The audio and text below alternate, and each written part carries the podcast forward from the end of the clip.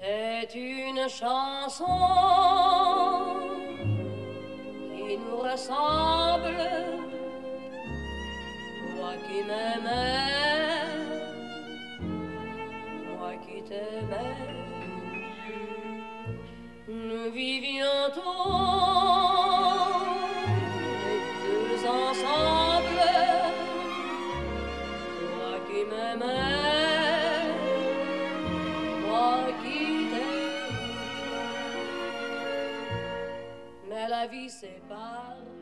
Komið sæl, það er haust, laufin falla af trjánum, þau degja. Edith Piaf syngur hér um hvernig ástinn getur sölnað eins og laufblöðin í vekkandinu. Tómas Ævar Ólafsson og Halla Harðardóttir hels ykkur. Fymtudaginn 21. september. Í þætti dagsins Kona, Rúmálsreikningur, Úr sveit í borg í sveit og Kafi Akbar. Næsta lögadag verður síning Þórðar Hans Baldurssonar úr sveit í borg í sveit opnuð gestum og gangandi í Galleri Port á lögavegi. Megin þema síningarinnar er eins konar afturkvarf í sveitina úr borginni. Áður fyrr hverðist samfélagi á Íslandi nánast alfarið um sveitalífið og landbúnað en í dag virðist sveitin vera orðin ansi framandi staður fyrir okkur borgar og bæjarbúum allavega. Við lítum inn á vinnustofu Þórðar Hans og fáum að vita meira um þessa síningu. Einni heyru við í nýjum bókmyndaríni viðsjár, Kristínu Marju Kristinsdóttur, sem verður með okkur í vetur á samt fleiri gamalkunnum rínum. Í dag rínir Kristi Marja í bókina Konu eftir Nobelskaldið Annie Ernaux, en hún kom út nýverið í íslenskri þýðingu Þórheldar Ólafsdóttur hjá Uglu útgáfu. Og við hefjum þáttagsins einnig á bókmyndum. Já, Rúmmálsreikningur 1 er fyrsta bindi af sjö í skáldsögu hinnar dönsku Solveig Ball og hlaut höfundurinn bókmyndaverlun Norðurlandaráðs í fyrra fyrir fyrstu þrjú bindin. Fjóraðabindið kom nýverið út í Danmörku og aðdáðandur sögunar býða í eftirvæntingu eftir þremur síðustu. Í sumar kom fyrsta bókin út hjá Benedikt í þýðingu Steinuna Stefansdóttur svo íslenski lesendur geta sögt sér í þessa óvinnlegu sögu sem er heimsbyggileg flétta um konu sem vaknar í daginn og uppgötur að hún er að endur upplifa sama dag og hún lifði daginn áður. Hún endur upplifir 18. november aftur og aftur á meðan samferðafólk hennar upplifir daginn alltaf í fyrsta sinn. Steinun Stefansdóttir, þýðandi rúmálsreiknings, býr í Danmarku og ég sló á þráðum til hennar. Ég byrja á því að spyrja nút í höfundin, Solveig Ball, og hvort hún geti sett hana í bókmyndalegt samhengi. Já, ég get reynd að gera það en sko þó með þeim formerkjum að hún kæri sig kannski sjálf ekki mikið um að vera sett í einhvert samhengi en, en hún hefur verið skilgreind með í hópi höfunda, hvern höfunda sem að svona letu til sín taka á tíunda áratug síðustu aldar, þar eru fættar þessar konur upp úr 60 og þær voru í forfatterskólinn eins og uh, svo margir danskir rithöfundar og svona markiruðu þessu svolítið uh, sko sem svona mínimalistar með svona mjög, mjög svona, eh, já svona knappan stíl.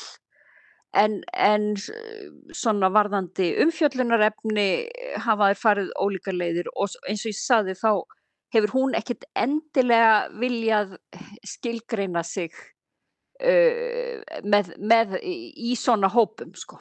Mm -hmm. En hún er, hún, uh, auk þess að vera í forfatterskólan þá lærði hún heimspeki og bókmyndafræði og, og þess sér náttúrulega mjög mikið stað í hennar bókum sko að, að, þessar, þessar heimspekilegu pælingar sko. Einmitt. En hún sem sagt er að þessum skóla sem þú nefnir og, og hefur í raun sko, þetta aldrei talað um að þetta sé hennar svona comeback, þessi serja, ekki satt? Jú, sko hún, hún er þarna, eh, hún er nú aldrei, sko hún, hún- þá, hún á ekki mikið höfundaverk að baki því að hún er bara, hún liggur augljóslega yfir bókunum, hún segist líka sjálf skrifa þannig bækur að hún þurfa að liggja yfir þeim en hún er svona virk í senunni, ef svo má segja. Hún, hún slæri gegn með bók sem heitir Í fulli lófen uh, sem kemur út 93 uh, en hún, fyrsta bókin hann kemur 86 slæri gegn þarna 93 og er svona svolítið, má segja, áberandi í senunni upp úr því en svo eh, bara verður profílinn miklu læri eh, og þó hún gefur út einhverja bækur og, og, og þær fá alveg góða dóma og svona en, en kannski ekki mjög mikið umtal. Og uh, svo gefur hún síðast út bók 2013 og svo byrjar hún á þessari seríu 2020 þannig það er algjört hlið hjá henni frá 13 til 20 en hún segist hafa sko fengið hugmyndina eh, að þessari bók með minnir 86 og hafa, eða þessum bókum, þessari bókaröð og hafa í raun og veru verið að meldana og skrifa meðfram öðru alveg síðan þá. Einmitt. Og það eru komnar út fjóra bækur af sjö og við erum bara nýbúin að fá hér á Íslandi þessa fyrstu bók, fyrstu þýðinguna og ég verði að segja fyrir mitt leiti að ég vona að það komi fleiri, ég get ekki beðið eftir að, að lesa framhaldi. Þetta er daldi eins og spennus að þó þetta sé hægur taktur ónýttarlega. Getur sagt okkur steinun að svona frá kannski bara sögðræðinum um hvað er þessi bók? Já, ég get, ég get það. Þetta er náttúrulega, já, og það er, sko, það er komnar út fjórar, eins og þú segir, fjóra bækur og svo fymta ég spurði það mitt í bókabúðum daginn hvenar svo fint að væri væntarleg og, og þá sögðu konurnar í búðinni og hlóðu um leið. Já, hún ávist að koma 17. november og brandarinn í því er náttúrulega sá að, að aðalpersonan, hún Tara Selter, hún er först í deginum 18. november. Uh, og, og það í raun og veru hverfist öll sagan um það að þessi kona, hún er först í sama, sama deginum og hún býr með manninum sínum sem að vaknar hvern einasta morgun til nýs 18. november og hann man ekkert það sem að þau töluðum í, í gær samkvæmt hennar minni og tímaskinni og, og hérna smám saman eh, fyrst eh, er þetta bara ágætt og þau bara hafa það gott og svolítið svona þægilegt fyrir ungt ástfangi fólk að bara lifa alltaf í sama deginum. Það er ekkert, það er ekkert sem stendur fyrir dyrum, það er bara alltaf sömu verkefnin og, og þau hafa það bara hugulegt en síðan þegar fer að líða á þá upplifir hún svona vaksandi fjarlægð frá honum í, í þessu lífi og það endar sérst með því að hún, hún sé sig knúna til þess að, að hérna, draga sig tilbaka og hann tekur auðvitað ekkert eftir því því að hún átti að vera að koma heim úr ferðalagi þennan dag þannig að hann heldur bara hún sé í París eins og, eins og hún átti að vera fram eftir þessum degi. Og og hérna og svo bara er hún eh, dvelur hún eh, um skeið inn í gestaherbergi og hún náttúrulega veit að maðurinn kem, kemur ekkit inn í það herbergi þennan dag því hún þekkir orðið daginn alveg frá upphafi til enda. Hún veit hvenar byrjar að rigna og hvenar sólinn brýst fram og, og allt. Þetta bara þekkir hún alveg út og inn.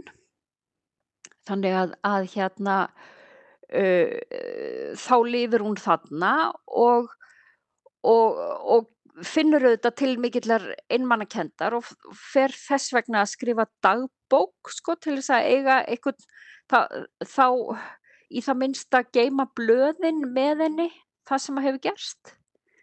Þannig að, að dagbókin verður þá eins og einhvers konar félagi fyrir hana En svo hefur hún eftir því sem að líður á árið þá hefur hún ríka þörf fyrir að komast tilbaka inn í sama tímarithma og, og annað fólk og fer að velta fyrir sér hvort að hún hljóti að hafa einhvern veginn farið út í gegnum einhvert gat á tímanum og ef hún finni þetta gata þá komist hún hugsanlega tilbaka. Þannig að þetta er, já, þetta eru náttúrulega mjög sérstakar pælingar sem Mjög- eru þarna. Einmitt. Eins og segir heimsbyggilegar pælingar um tíma og rúm og hvernig við í rauninni kannski bara upplifum tíma ólíkt. Já, einmitt. Upplifum tíma ólíkt og, og, og hérna minni okkar er ólíkt. Það er líka hægt að pæli því sko að einn man eitthvað sem einhver annar man alls ekki þó að atburðurinn sko eh, varði þau bæði. Mm -hmm. Þannig að, að já, það, það, er svo, það er svo margt í þessu. Einmitt. Og svo um leið og hún fyrir að uh, finna tíman, ganga er einn svona hægt og taka eftir eins og þú segir, bara vita hvenar sólinn brýst fram undan skíjónum og klukkan hvað nákvæmlega hver dag og svo framvegis. þá fyrir hún líka svona að upplifa umhverfið sitt á, á nýjan hátt eins og bara það hver, hvaða áhrif hún hefur sem manneski á umhverfið sitt bara með því að vera til í rauninni. Já, Svona- einmitt, já. Uh, já, já, hún, hún, og, og hún lýsir sér, henn, hún, henni finnst hún vera skrýmsli sem að sko geti upp uh, gæði jarðarinnar. Akkurat. Af því að, af því að sko, af því hún er föst í sama deginum, það er alltaf sami haustdagurinn og, og þá er það náttúrulega þannig að, að ef, hún, ef hún borðar epli að þá er það epli farið en það kemur ekki aftur vor og sumar þannig að það geti vaksið nýtt epli. Allt sem að hún neytir að því að hún er ekki í þessum stuttarring að, að það, það er tekið af jörðinni. Þannig að, að þetta er náttúrulega augljóslega einhver umhverfis eða sem sagt umhverfis pælingar sem þarna koma inn líka að á hluta jarðakringlunar uh, neytir fólk meira en jörðin ræður við að gefa af sér. Akkurat. Hvernig við erum í raun orðin svona aftengt náttúrunni og hennar svona eðlilega gangverki bara. Já, einmitt og þetta tengir hún svo við að því þau hjónin búa þarna í húsi afa mannsins hennar sem að uh, lifði svona í takti við náttúruna, uh, sáði á vorin og, og neytti svo þeirra græn, uh, sko, neytti grænmetis sem uppkom á hverjum tíma og lifði í þessum árstíðabundna takti. Akkurat. Og það sem er svo merkilegt er með þessi hægi taktur og hvernig hún svona afhjúpar allt þetta hægt og rólega en á sama tíma þá er þetta líka spennusaga í rauninni og, og hérna og nú veit ég ekki, þú ert sennilega búin að lesa næstu bækur og það má kannski ekki gefa ómikið uppi en kannski aðeins. Já, það, sko það er, og það er eiginlega, hún skri, náttúrulega skrifar þetta þannig síðan sem spennusögu að, að því liti til að, að hver og einn bók, eh, sko, endar alltaf með því að það er svona gefið upp í, í breytingar. Þannig að, að, að þær, hún gerir þar þannig úr gardi að, að ef maður hefur á annar bór nátt tengslum við bókina þá er maður bara mjög spenntur hvað gerist næst. En, en sem sagt, uh, já, áðans að ég vilji segja of mikið, þá, þá hérna, mun hún taka sig upp og, og hérna, já, uh, fara að heiman af því hún, henni, þetta er orðið of þrúandi að sitja þarna í herberginu og svo verður sem sagt á veginnar, svo án eftir að kynnast nýju fólki. Já, einmitt. Já. Við býðum bara spennt eftir hérna næstu þýðingu, Steinun, en hérna þessar bækur hafa náttúrulega hlotið ótrúlega aðtikli í Danmörku, er það ekki? Ég meina, auðvitað þar fengu velun Norrlandaráðs í fyrra og mjög mikið umtal. Já, mjög mikið umtala og mi mikla aðtegli svona hjá, hjá auðvitað bókmenta áhuga fólki. Þetta eru auðvitað, má segja, svona fremur þungar bækur. Þannig ég hef alveg hitt Dani sem að bara hafa aldrei heyrt um Sólvæði Balli og eh, ég, maður verður náttúrulega steinhissa. En, en jú, mikið umtal, mikið skrifað um þær og, og, og, og svona. En, en hún er sjálf, sko, hún er ekki mikið í viðtölum. Þannig að það er ekki, það byrtast ekki rosalega mörg viðtöl við hana, hún, er, hún heldur sig mjög fyrir sig, hún býr bara uh, út á landi og hún gefur bækurnar sínar út sjálf. Og uh, það er ekkert, ég meina það er ástæðan fyrir því ég spurði í bókabúðun daginn hvernig næsta væri vantanlega, það er að það er ekki það, ég, ég var búin að reyna að googla og það er, ég finn, það stendur, það stendur hverki neitt um það hvernig næsta bók kemur út. Það er, sko, það, hún er svona mjög spör á allar upplýsingar. Mm -hmm. Og bækurnar, sko, uh, eins og þær eru í, í hennar uh, útgáfu, þá er til dæmis Uh, bara texti, bara uh, nafnhöfundar og, og heiti bókar á fórsíðunni og, og engin baksíðu texti og ekki neitt sko. Hún, hún er mjög svona andsnúin öllu uh, skrumi má segja. Það, það, má ekkert, það, það má ekkert vera yfirborslegt. Nei, einmitt. Það er kannski bara í takt við það sem er að, hún er að fjallum í þessari bók. Já, já, algjörlega, algjörlega. Við skulum ekki ræða bókina meira, við skulum bara hveitja hlustendur til að grípana og lesana steinun. Takk fyrir að vera með okkur hérna á línunni og takk fyrir að þýða þessa bók. Ég hlaka til að fá næstu, næstu sex bara. Já, þakka þið fyrir sem er leiðis. Nú mann ég þessa daga sem mestu hafmyggjudagana. Nokkur tíma. Mér fannst ég elskuð. Mér fannst ég elskuð í sófanum í stofunni og á gólfinu. Mér fannst ég elskuð í rúminu og þegar við sátum við kvöldverðarborðið. Þetta var ekkert óvinnilegt. Þetta var ekkert öðruvísi en fyrir 18. november. Bara upplugra og það byggð okkar engin verkefni. Þetta var tími sem hljópa ekki frá okkur. Þetta var eins og fyrst eftir að við kynntumst, aðeins ákavara og kannski, eða þannig hugsa ég nú, kannski var hæglát örvænting undir niðri. En við litum samt ekki þannig á. Þetta var tilfinning fyrir rafmagnaðri húð. Það voru setningar okkar sem runnu saman þegar við töluðum. Það var eitthvað í rýmin á millokkar. Þjætting, net, tenginga. Mér fannst ég skilin. Ég sagði setningar sem hlustað var á og hlustaði á orðin sem voru sögð. Við lifðum hvort í sínum tíma, svo einfalt var það. Tveir tímar höfðu flætt yfir bakka sína Þetta var staðurinn þar sem árnar mættust og runnu saman í eina. Einskonar Mesopotamia tímans, þar sem Efrat og Tigris eru aðeins tvö mismannandi heiti á vatni.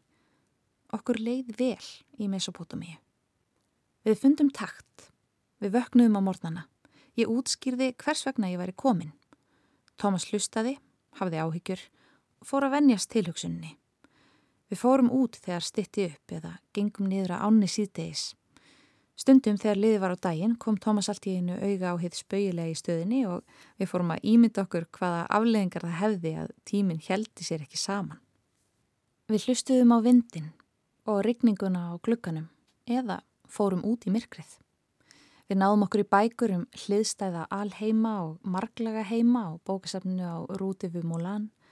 Við lásum sögur á því þegar að tíminn staldrar við um tíma likjur og völundarhústímans Við fundum kvikmyndir um tíma ferðalög og misgengi í tíma röðum. Við lásum hvort fyrir annað. Veltum vöngum og ímynduðum okkur og beðum þess að leiti til þess að við skildum tíman. Við viltumst inn á brautir enn æfintýralegri útskýringa. Var það rómverski silfurpenningurinn? Var það ástinn? Var það brunasárið sem hafði opnað á nýjan tíma? Var til eðlileg skýring eða voru óþægt öll að verki. Brot úr skaldsöginni Rúmálsreikningur 1 eftir Solveig Ball sem kom út í sumar í þýðingu steinunar Stefánsdóttur. Það var Anna Marsibil Klausen sem las. Og úr dönskum bókmentum förum við yfir í franskar. Bókin Kona eftir Nobelskaldið Annie Ernaux kom nýverð út hjá Uglu útgáfuhúsi í íslenskri þýðingu Þórheldar Ólafsdóttur. Nú tekur nýr bókmættarinnir okkar hér við sjá við, Kristín Marja Kristinsdóttir. Kona eftir franska nóbelskaldið Annie Ernaux fjallar um lífslaupmóður Ernaux sem nýlega hefur látist úr Alzheimer sjúkdóminum og samband þeirra maðguna. Bókin kom út árið 1987 og kemur nú út í íslenskari þýðingu Þórhildar Ólastóttur hjá Uglu útgáfu. Þetta er þriðja þýðingin á verkum Anni Erná sem Ugla hefur gefið út á því tæpa ári sem liði er síðan hlaut Nobelsfælunin í bókmyndum en fyrir verk eru staðurinn og ungi maðurinn. Stílverksins er látlaus og framanaf er frásögnin frekar tilfinningalös. Ef til vill er það gert til þess að koma til skila tilfinningarlegum dóða dótturinnar þegar hún stendur í því sem að aðstendendur þurfa að gera þegar fjölskyldum meðlum er deyr finna útfarastofu, velja kistu, fylla út pappira, ákveða föt þess að jarða móðurina í og svo framvegis. Viðmótið sem mætir dótturinni er að dauðin sé praktíst atriði sem þurfið að finna viðeigandi lausn á. Öllum öðrum en henni verist þykja fyrir bestu að móðurinn sé farin yfir móðuna miklu því nú séu þjáningar hennar línaðar. Þótt dóðin viki fljótt fyrir ósvikinni sorg þá er stílinn áfram laus við tilfinningasemi. Dóttirinn byrjar að skrifa móðu sína því hún er ófærum að gera neitt annað. Hún segir að sér þætti heppilegra að geta beðið með að skrifum hana til þess að ná þeirri fjarlæð sem hún telur sér þurfa til þess að geta unni betur úr minningunum. En þörfin fyrir það að halda minningum móðurinnar á lofti í gegnum skrifin er þó langt um sterkari. Því að skrifa er að skilja. Í verkinu byrtist þrá og fullvisa um að með réttum orðum og réttri setningaskipan sé hægt að ná utanum kjarnamannesku. Að til séu hinn fullkomni orð sem séu færum að lýsa henni samtímis frá öllum þeim sjónarhóttnum sem saman mynda þrýfiði að mannesku. En enginn getur þekkt aðra mannesku til hlítar. Það þarf alltaf einhvert skálskap til þess að fylla upp í eðunar. Konan sem dóttinni þekkti var að vissuleiti hennar eigið hugafóstur aðeins eitt sjónarhótt í flókinu sögun raunverulegra mannesku. Hún skrifar um móðu sína í vonum að ná utanum hana í heilsinni, að ná að þætta saman konuna sem ólana upp og konuna sem var meira en bara móðir. En samtímis vill dótturinn líka varðveita minninguna um móðu sína án þess að flækja myndina með nýjum upplýsningum sem hún hafði ekki á meðan móðurinn livði. Þessi þrá eftir að gera móðurinni skil en líka varðveita hanna eins og hún var í hennar huga er eina mörgum mótsögnum sem er að finna í tekstanum og gera hann núan saðan og markbrotin. Því öll eru við fulla mótsögnum og því við hæfi að teksti sem ætlað er að lýsa mannesku með öllum hennar kostum og löstum sé að samaskapi alltaf í svo lítiðli mótsögn við sjálfan sig. Til að feta þessa stigu á milli stóru myndarinnar og afmarkaða sjónahótsins reynir sögumæður að fjarlægast viðfangsefnið og lýsa því líkt á um aðra mæðgur væri að ræða. Þessi fjarlæð gerir dótturinn líka kleift að sjá samtímis góður hlýðan móður sinnar og hinnar slæmu. Því móðurinn var langt frá því að vera einföld persona. Hún var ofsafengin, óþölumóð, beitti óbeldi en síndi dóttur sinni líka mikinn áhuga og ástúð og vildi umfram allt að dótturinn kemist til menta og meðorða og var tilbúin að gera allt til þess að svo geti orðið. Hún vann myrkran á milli frá því elsnum á mornana í maturveslinn þeirra hjóna og á kvöldin á kránni sem var áförstu veslinuna. Hún þráði ekkert heitar en að segja skili við sveitalífið og fátæktina sem hún ólst upp í og klífa upp þjóðfélagstegan, en komst ekki lengra en í ströklið í litli maturubúðinni. Hún sá mentun sem líkilina því að komast í efri stjætt og gerði hún því allt sem að ég hennavaldi stóð til þess að dóttir hennar geti helga sig algjörlega námi. Móðurinn þráði sjálf að læra en var gert að hætta í skóla 12 ára og fara að vinna. Hún fekk útrás fyrir mentuna þrá sína í gegnum dótturina en þegar takmarkinu var náð og dótturinn orði mentuð, búin að giftast manni úr efri stjætt og flutt í stórborgina hafði myndað skjá á milli þeirra þar sem móðurinn uppliði sig setta skör lægra. Hún passaði ekki inn í borgarlegt líf dótturinnar og fjölskyldu hennar. Hún kunni ekki réttu orðin og frasana fannst hún vera gagslaus ef hún var ekki að vinna fyrir þau húsverk eða verða fjölskyldinu að liði á einhvern hátt. Og það er ekki aðeins móðurinn sem tekst aldrei að flýja stjættuskömmina og óttan við að passa ekki inn í það umhverfið sem metnaðurinn hefur fleitt henni í, heldur erfið dótturinn skömmina og óþægindin líka. Til þess að takast á við stjættar ánótin þarnast dótturinn tengingar við upprinnan. Við dauða móðurinnar ropnar svo tenging og því verður móðurinn að verða að sögu svo hægt sé að varðveita þessi tengsl. Þótt verkið sé æfisögulegt þá er sannleikurinn eins og hann byrtist í verkinu ekki endilega sagfræðilegur, heldur fremu bókmyndalegur. Það er í gegnum tekstan sem móðurinn verður til og er því ferli líkt við eins konar fæðingu. Greinilegu viðsnúningur hafði orðið á hlutverkum maðgnana þegar móðurinn veikist af Alzheimer. Dótturinn fór úr hlutverki barnsins og yfir í ummununa hlutverkið og móðurinn færi stöðut nær frum benskunni. Með því að skrifa um móðurina þá fylgir dótturinn þessu öfuga ferli til enda, skapar hana með orðum og kemur henni í heiminn. En í fæðingusögunar fels jafnframt dauði því til þess að gefa verkið út þarf að hætta skrifunum sem höfðu glætt minninguna um móðurina lífi og sættast endala við það að hún er farin að eilifu. Kona eftir Anni Arná er látlist verk en þegar betur er að gáð kröma margt undir engum glíman við tungumálið og hvernig megi nota það til þess að snerta á öllum hliðum einna mannesku svo uppljúkist kjarni hennar. Þó nokkuð langt séum liðið frá því að verki koma út af frummálunum þá er sagan tímaleg saga móður og dóttur með öllum þeim mótsögnum og floknu tilfinningum sem engina ofta tíðum samband fóreldra og uppkominna barna þeirra. Kristín Marja Kristinsdóttir rindi hér í konu eftir Anni Ernó sem kom nýverð út í þýðingu Þórhildar Ólafsdóttur. Og þá höldum við niður í miðbæ og ræðum við Þórð Hans um myndlistarsýninguna úr Sveit í Borg í Sveit sem verður opnuð gestum og gangandi í Galeri Port á lögadag.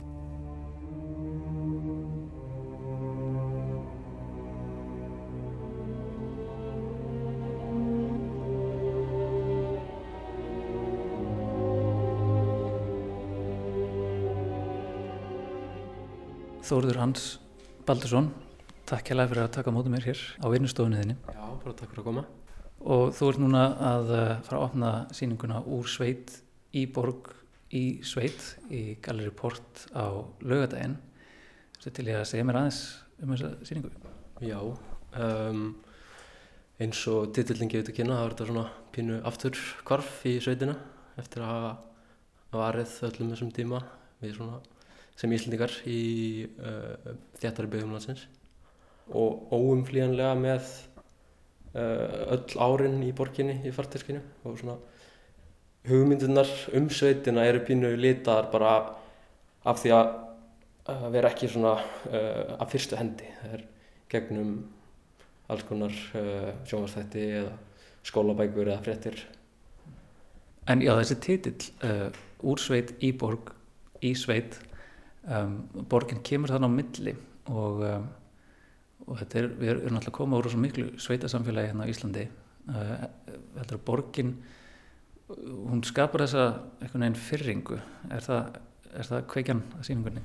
Já, smá, það er líka svona þessi svona hluti sem maður sér í sveitinu ég var, fór mikið í sko ég bý í Hollandi og hérna er mikið í byggingavöruverslunum og hérna fór í uh, svona byggingafjörverslun með landbúnaðar ífafi og það var svo ótrúlega mikið af hlutum sem ég hafði bókstaflega ekki hugmyndum hvað gerði.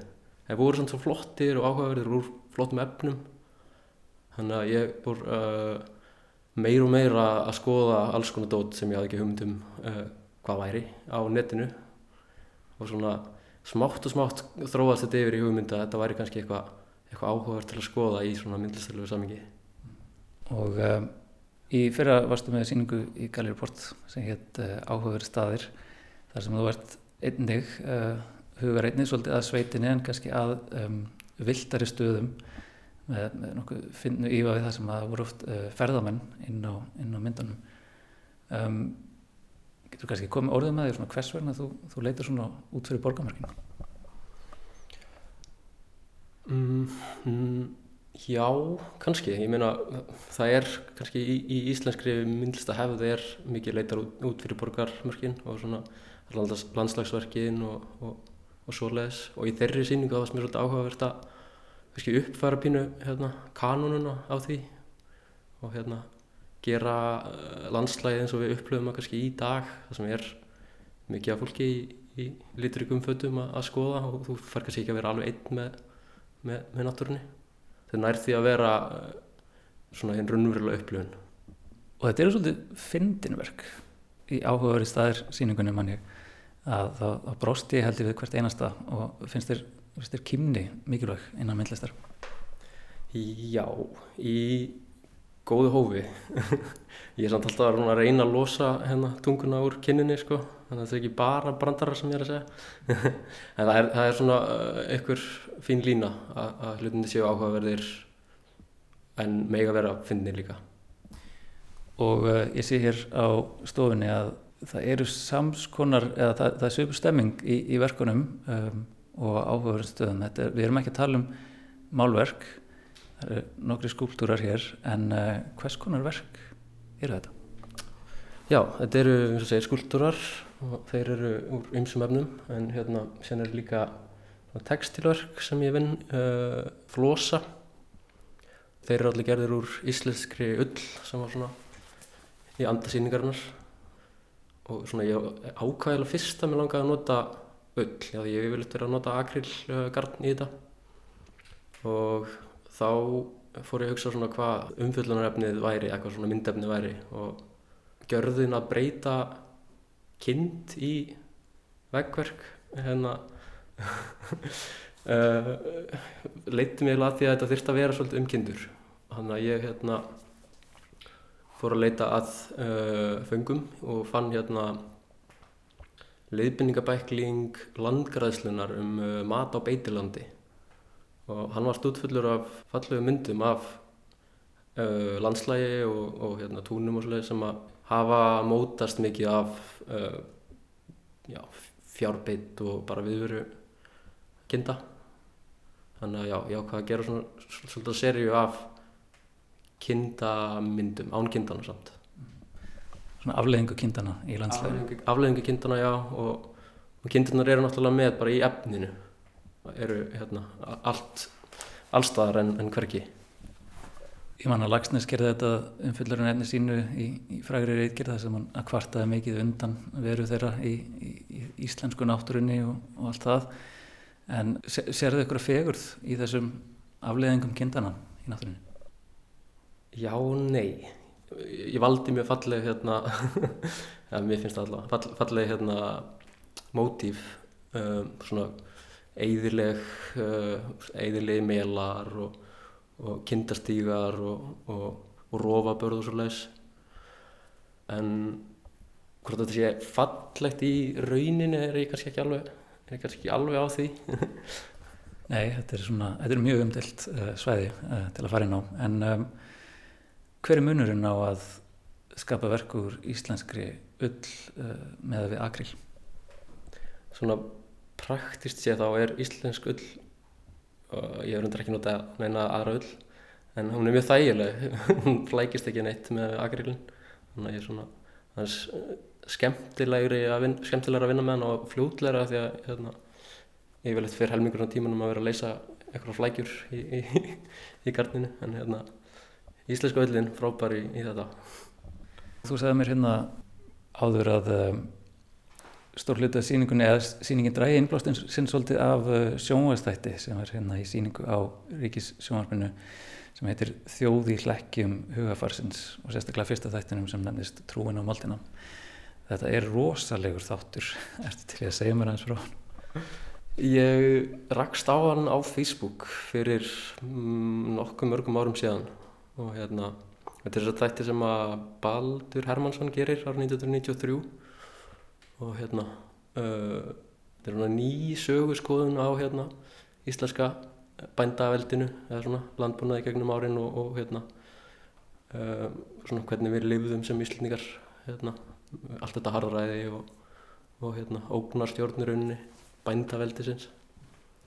Og fyrsta senan í þessum þætti er eitt svona mynd af róbarði og hérna og svo vittnar hann í grein í tímanum til leiðari tímans 1928 þar sem verið er að bóða trúna moldina.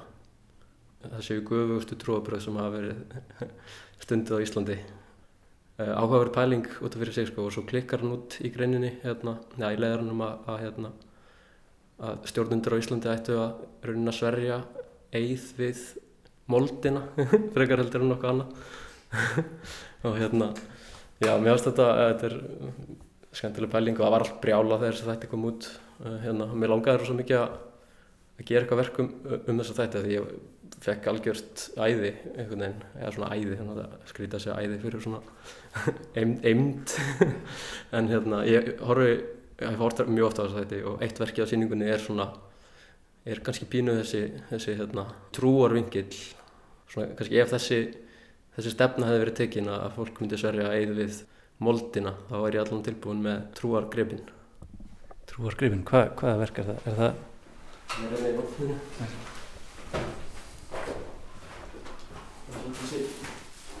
Hérna.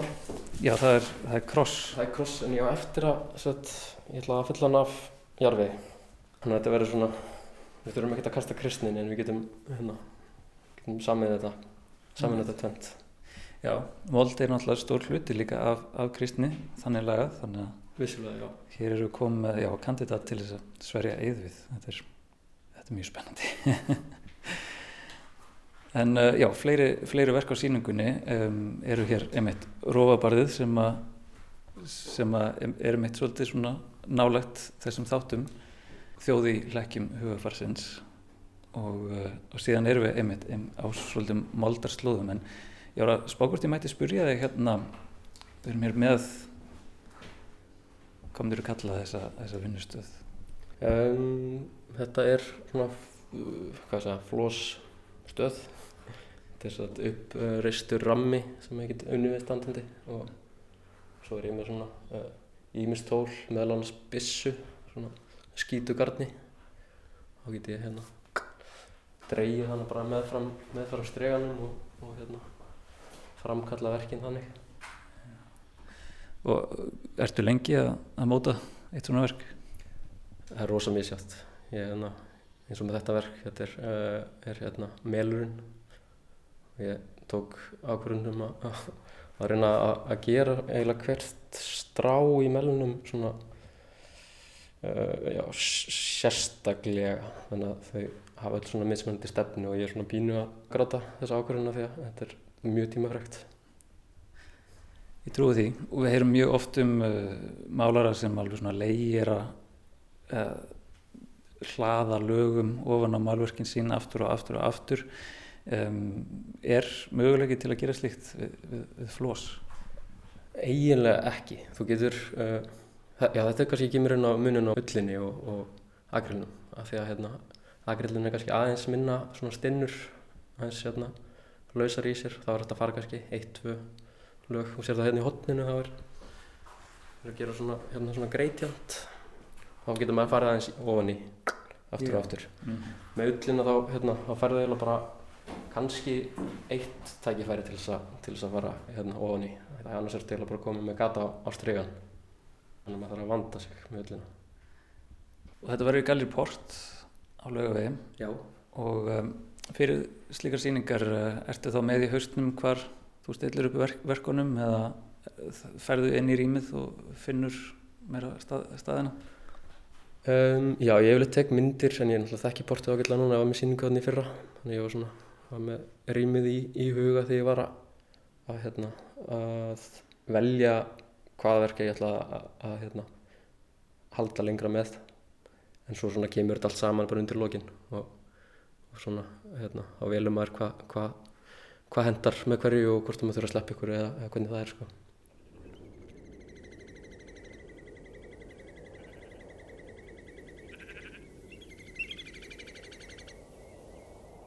Já, þetta er, hérna, verk sem við erum að horfa núna er sagt, uh, kertestjaki og hann er hannaður úr um, svona hérna sóg, uh, hvað heitir þetta?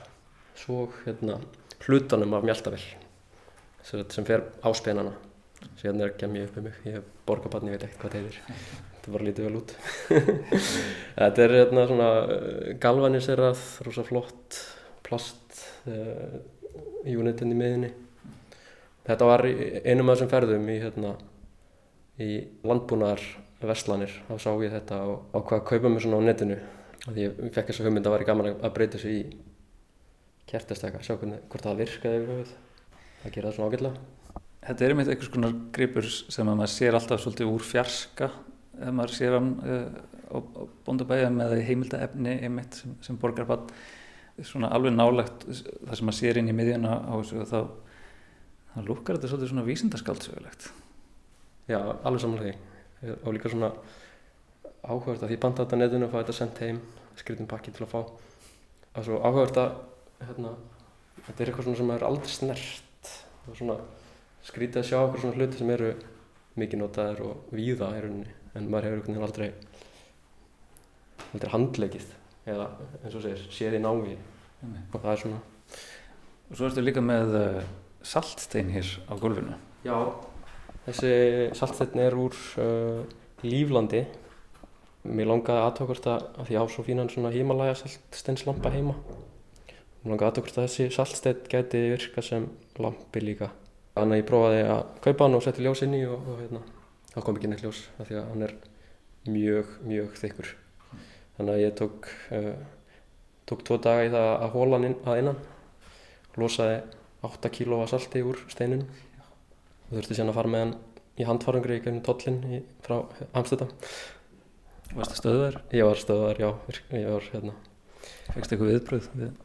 Já, þá þurfti fjóra starfsmenn til þess að koma og taka þetta út og, og hérna þeir trúðu eiginlega ekki að þetta væri ekki ólulegt eða eitthvað eitthva smíl, þetta lúkaði svo furðulega En já, svo er það kleinan hérna Hva, hvers konar kleinaði þetta? Já, ég hérna ekkert um að fyrir nokkru mánuð þá fekk ég aðgang á svona gerðugrinda myndasmið og hérna ég prófaði að setja inn svo að þetta virka þannig að ég setur inn mynd og, og hann kemur með eitthvað svona útvæslu á þessari mynd. Og hérna þú setur yngar skipanir eða neitt. Þannig að ég prófaði að ég átti bara mynda ég prófaði að setja mynd af kleinu. Og myndina sem ég fekk þá var hann eða búin að breyta kleinunu í hest. Eða eitthvað svona, svona mjög krumpaðan kleinuhest. Það eru svona loðunar eru lítið samt út þessu kleinu sérstaklega fjallægt en sem þegar maður rínur í það þá er það já, bara nákvæmlega sömu svona áferð og, og, og hár eins og hestur. Þannig að uh, gerugreindin er á leiðinni upp á vegg á, á listasýningu á Íslandi. Já, það er, ég bjóst nú ekki við að ég er þið ég er ábyggja ekki fyrstur sko en ég, svona, ég hafði ekki ég hafði ekki, hérna, ég ímynda mér að ég myndi fara þá leiðina sko. Ég er, ég, hérna ég er forreitari líka þannig að ég er svona það einhvern veginn aðeins og cheap en þetta var eiginlega þetta var eiginlega aðeins of mikið hérna, þetta tengdist þema síningarna róð mikið til þess að sleppa þessu. Þannig að hún fara að fljóta með. Já, þetta er fyrir eitthvað spennandi síning og ég laka til að sjá hana upp á vegg í Galleri Port. Þóruður Hans Baldursson, takk hérlega fyrir að taka mótið mér hérna á vinnustofinniðinni í dag. Já, bara takk hérlega fyrir að koma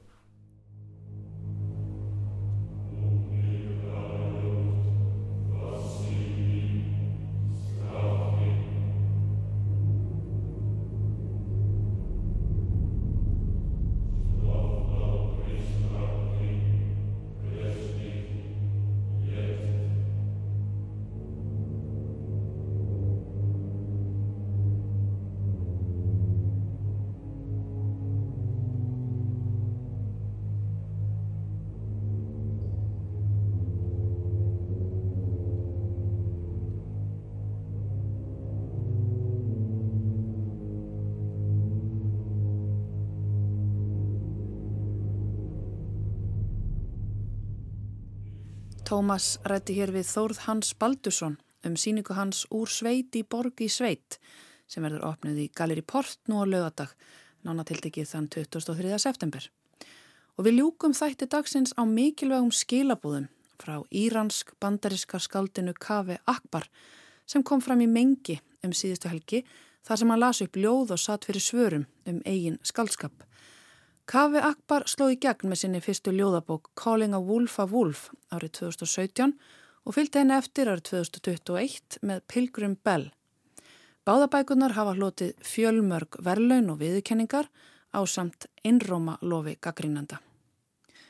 Jóhannes Ólafsson mun ræða við Kavi Akbar í þætti sínum bara bækur næsta lögadag en fyrst ætlum við að heyra af lægi sem skaldið hefur haft litla þráhyggju fyrir undanfarið. But there's this band called Swan Lake, and there's this song that they have called Are You Swimming in Her Pools?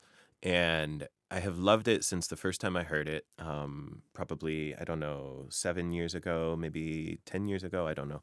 Um, and what I love about it is you hear the singer's voice. It is Dan Behar, the lead singer of Destroyer, um, and the musician to Destroyer, and um, you hear his voice and it's sort of this plaintive love song you know are you swimming in his pools? Are you swimming in his pools? And it's playing this simple very clean sort of semi-traditional sounding beautiful love song. Kave minnist hér á hljómsveitina Swan Lake og lag þeirra Are You Swimming in Her Pools? Hann hefur elskað það síðan hann heyrði það fyrst um sjö eða tíu árum síðan Það sem hann elskar við það er einfaldur ástarsöngur söngvarans og gítarleikarans Dan Beihart, söngur hljómsittunar Destroyer, sem endur tekur spurninguna Are you swimming in her pools? Síðan er augnablík um miðbygg lags þar sem hægt er að heyra hvernig fingur hans renna til á böndum gítarsins. Kavi segist meira sig að fá gæsa húð bara að tala um það og minnist á að einfalt hefði verið að laga þessi mistök en að snild lagsins fylgist í því að leifa þeim að vera.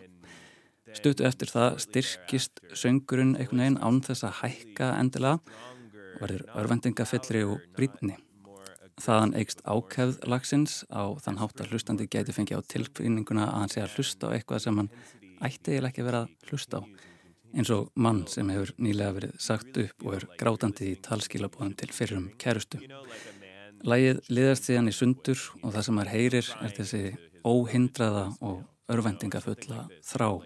And the song falls apart, you know, mm. the song sort of disintegrates and you just hear this plaintive, urgent, desperate yearning.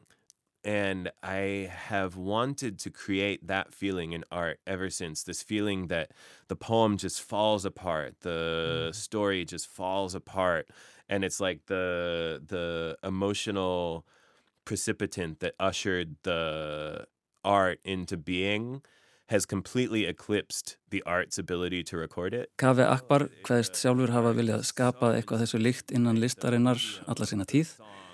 Þar sem það er eins og ljóðið sundrist eða sagan sundrist þar sem, sem hinn tilfinningalegi kvati sem hóf sköpunarferli listaverksins skikkir fullkomlega á getu listmiðilsins til að fanga hérna eiginlegu tilfinningu að tilfinningin jarði miðilinn innan miðilsins. Það er það sem Kavi elskar. Listaverk þar sem hægt er að sjá glitta í eitthvað svo miklu stærra en byrtist í sjálfu verkinu. And anyways, yes, the song is Swan Lakes, Are You Swimming in Her Pools? It's not a famous band, it's not a famous song, um, but that song was really important to me in showing me that art could be a record of its own destruction Og það er á tónum Swan Lake sem við ljúkum þætti dagsins í dag. Takk fyrir samfélgina við Tómas Ævar Ólarsson og Halla Haradóttir. Þökkum innlega fyrir okkur þessa vikuna. Það er hægt að hlusta á við sjá hvena sem er í Spilararúf og svo þetta í línlöru dagskrá. Takk fyrir okkur. Will you be swimming in her pools? Are you swimming in her pools? Are you swimming in her pools?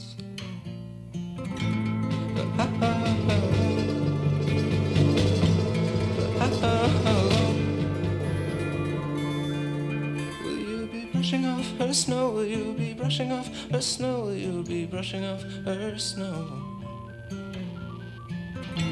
How can you stand cold?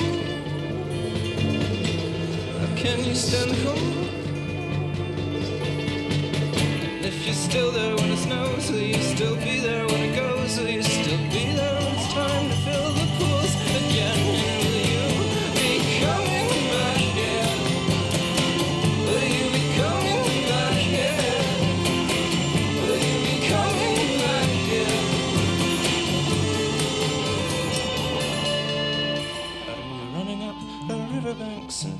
tracing them like long fingers. Are you running up the riverbanks and navigating long fingers of a hand? His fingers make the hand, and rivers make the land. Is she cradling you well, or is she cradling you well? Because if I call you baby, she should cradle you well. Does she fucking know? Does she fucking know? How the lines that appear around your eyes and you are smiling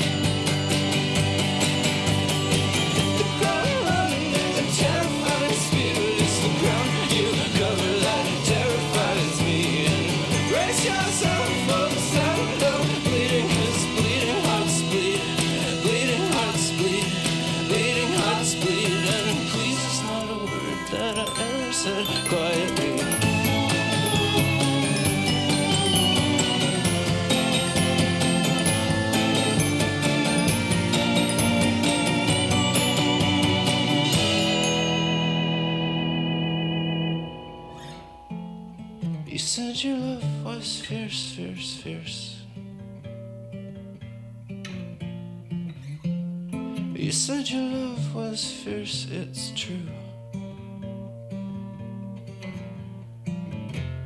You said your love was fierce, fierce, fierce.